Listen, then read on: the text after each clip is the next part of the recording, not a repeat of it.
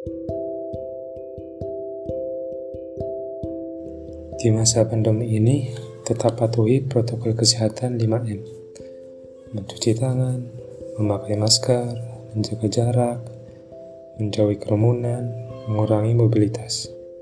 Karena harta sejati adalah kesehatan, bukan emas dan perak. Quotes by Mahatma Gandhi. Saya Febri, selamat datang di podcast pertama saya. Episode kali ini akan bahas seputar kesehatan dan harapannya kita semua sehat selalu dan kuat melalui badai pandemi ini. Protokol kesehatan sudah dijalankan, program bantuan dari pemerintah sudah dijalankan, vaksinasi sudah proses berjalan juga, PPKM sudah berulang kali dijalankan. Kok kasusnya masih tinggi?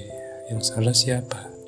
Sistemnya pelaksananya, masyarakatnya, pemerintah, atau siapa. Terlepas dari menyalahkan orang lain, introspeksi diri dulu. Mulai dari yang kecil dulu, kita sudah menerapkan prokes belum?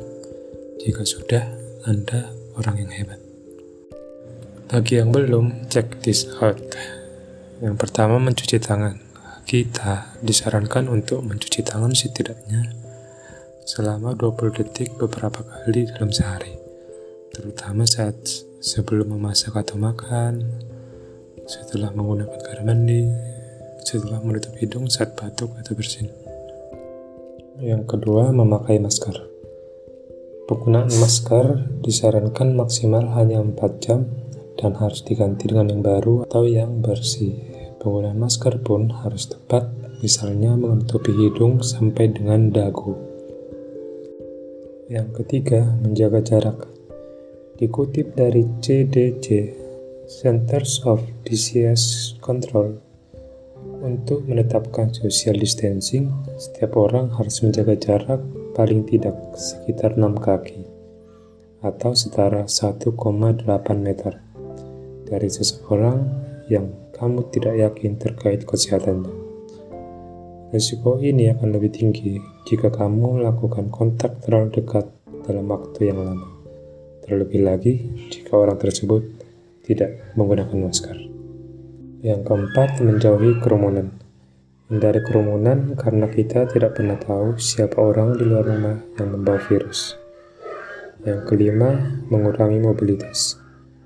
Jika tidak ada keperluan yang mendesak, tetaplah berada di rumah meski sehat dan tidak ada gejala penyakit.